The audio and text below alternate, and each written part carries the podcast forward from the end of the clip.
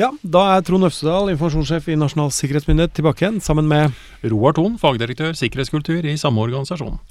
løsepengevirus, Roar. Ja. Hva er det? ja, det er jo et virus som spiser eh, pengene som ligger løse, da, er det ikke det? Jo, det må være noe i den Ja, et eller annet. Nei, altså, dette er jo et eh, hva skal vi kalle det et fenomen som har vart noen år, eh, og som fortsatt er aktuelt å snakke om.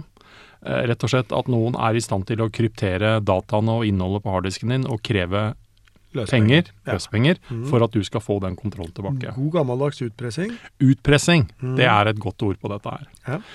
Og det vi skal uh, forstå og ta med oss litt fra det vi har tenkt å si, er at uh, den teknologien som brukes til å kryptere harddisken vår mm. når dette skjer, den er faktisk veldig god, eller hard, som vi sier. Med Mhm. hard så betyr at det å knekke den og få fram dataen igjen, Ja. det er ekstremt vanskelig. Ja.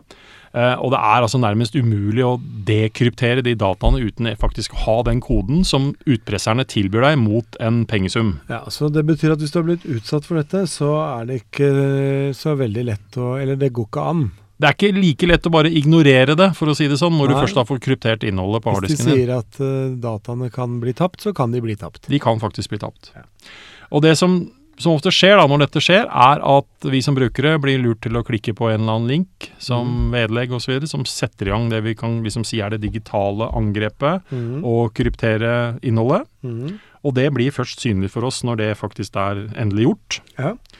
Og så får vi en, eh, kanskje en fin skjerm på PC-en vår med litt informasjon, at dette har skjedd, og en frist på f.eks. 48 timer til å betale x antall bitcoins eller US dollar på en eller annen måte. Mm. Og det er ikke sånn at det er enorme summer. Det er ikke sånn at de krever meg 20 000 kroner for å få det tilbake. Nei, det er bare litt dyrt. Det er bare litt dyrt, Ja. eh, men nok til at jeg også kanskje ville ha vurdert å gjøre det hvis krisen er ute. Ja.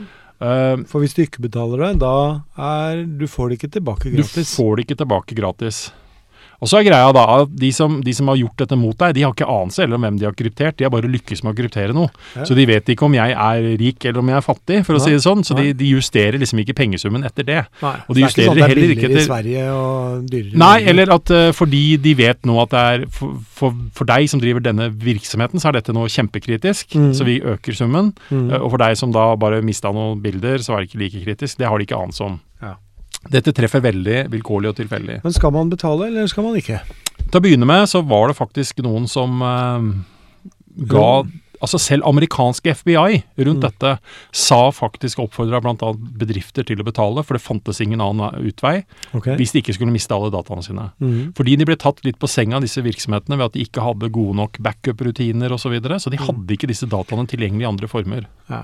Det er første gangen USA eller amerikanske FBI har anbefalt å utbetale løsepenger i sånne utpressingssaker. Ok, men vi anbefaler det ikke. Vi anbefaler ikke, og det jeg også kan si når jeg da brukte eksempler fra USA, det er at etter noen måneder så trakk de den anbefalingen tilbake, for de så da at virksomhetene begynte å få tiltaket på plass. Mm. Men, men jeg tror det er viktig å likevel erkjenne at når uhellet først er ute, og du eventuelt ikke har noen andre muligheter til å få dataene på plass, mm. så har jeg full forståelse hvorfor folk kan tenke seg å betale.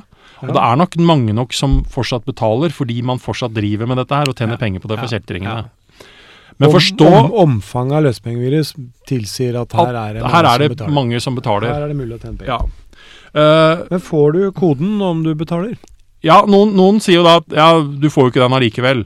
Det er faktisk ikke helt riktig, fordi hvis det hadde spredd seg rundt, at uansett om du betaler så får du ikke koden, så Mm. ødelegger man forretningsmodellen som kjeltringene har. Du får faktisk koden, Ok. i veldig mange tilfeller. Okay. Uh, fordi det underbygger rett og slett at neste gang de gjør det, så, er, så, så Altså ikke mot deg, men mot andre, så har det i hvert fall ikke spedd seg et rykte om at uh, nytter ikke å betale. men de som får koden, Ja. hva er det første de gjør når de har fått tilbake dataene sine? Ja, det veit jeg egentlig ikke, hva, de, hva de gjør. At, etter at de faktisk- har trukket et lettelsens sukk. Ja, det, håper i hvert fall at de begynner å kopiere dataen de har, og, og sikre Ja. de på en litt annen måte, da. Sørge for at de har backup. Ja, for eksempel. For da hadde de jo unngått alt dette. her. Eh, så da er vi jo tilbake på hvordan unngå dette her, da. Ja. For det er jo det ideelle. Mhm. Eh, og det er rett og slett eh, å ha oppdaterte systemer som faktisk står imot koden som, eh, som kjører. ja, det betyr at man eh, takker, ja, takker ja til alle, alle Ja. sikkerhetsoppdateringer. Ja. Og ikke utsetter det når man får varsling om at nå er vi i ferd med å gjøre dette her. Mm. Eh, ikke kjøre systemene som administratorer, hva skal man kjøre som da? som bruker. Ok. Så hjemme så kan jeg godt gjerne ha to kontoer. En som administrator, som jeg logger meg på innimellom når jeg må gjøre et eller annet ting. Ja.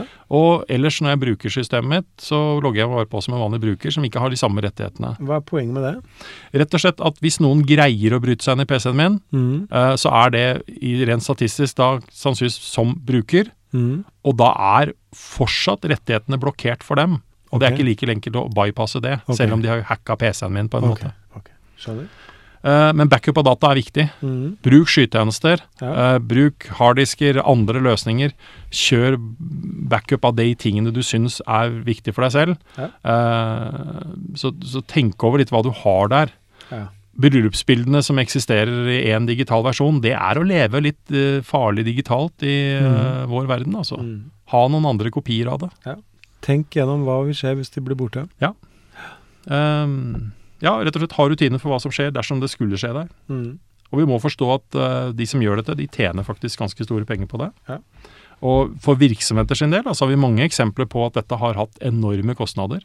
Mm. Uh, Logistikkgiganten logistikk, giganten Mersk, som jo er et dansk, dansk selskap, har vel sagt at de tapte ca. 300 millioner US dollar. Mm. Eh, Brødrene Dal, et norsk selskap, eh, gikk også på flere millioner norske kroner i tap, og var nede i mange dager før man kunne levere de tjenestene de leverer. Okay. Og det, Når jeg nevner disse navnene, så er det ikke sånn at eh, de nødvendigvis har gjort noe feil eller noe galt osv. Vi applauderer faktisk de som står fram og forteller at de er rammet av sånne ting. Mm. Så vi trenger sånne eksempler, for de er med på å skape forståelsen for at dette må man beskytte seg mot Ja. og ta på alvor. Ja. Eh, og så er det sånn at eh, når vi først mister disse dataene, så, eller altså mister tilgangen til det, så er det ikke bare at vi har mista tilgangen og potensielt ikke lenger kan få tilbake bryllupsbildet, men vi får jo ikke brukt denne enheten heller. Ikke sant? Altså, den fungerer ikke. Nei. Eh, Så for oss som privatpersoner så kan det være ille nok, men for bedrifter og virksomheter så får de rett og slett ikke levert det de skal når IT-systemene går ned. Ja. En hel haug med negative følger. Ja, så tenk Så hva, litt. hva er konklusjonen?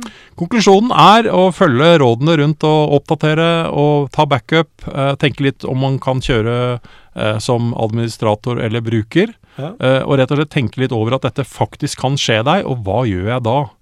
Uh, Det står mer å lese om dette på nettvett.no og på nsm.no, eller nsm.stat.no, som er begge Mm. adressene. Ja. Så kan man lese mer om dette her. Uh, Vi ønsker ikke å bli ramma av dette her. Nei, Beskytt deg. det. Ingen gjør det. Ja. Ok, takk for oss. Hei!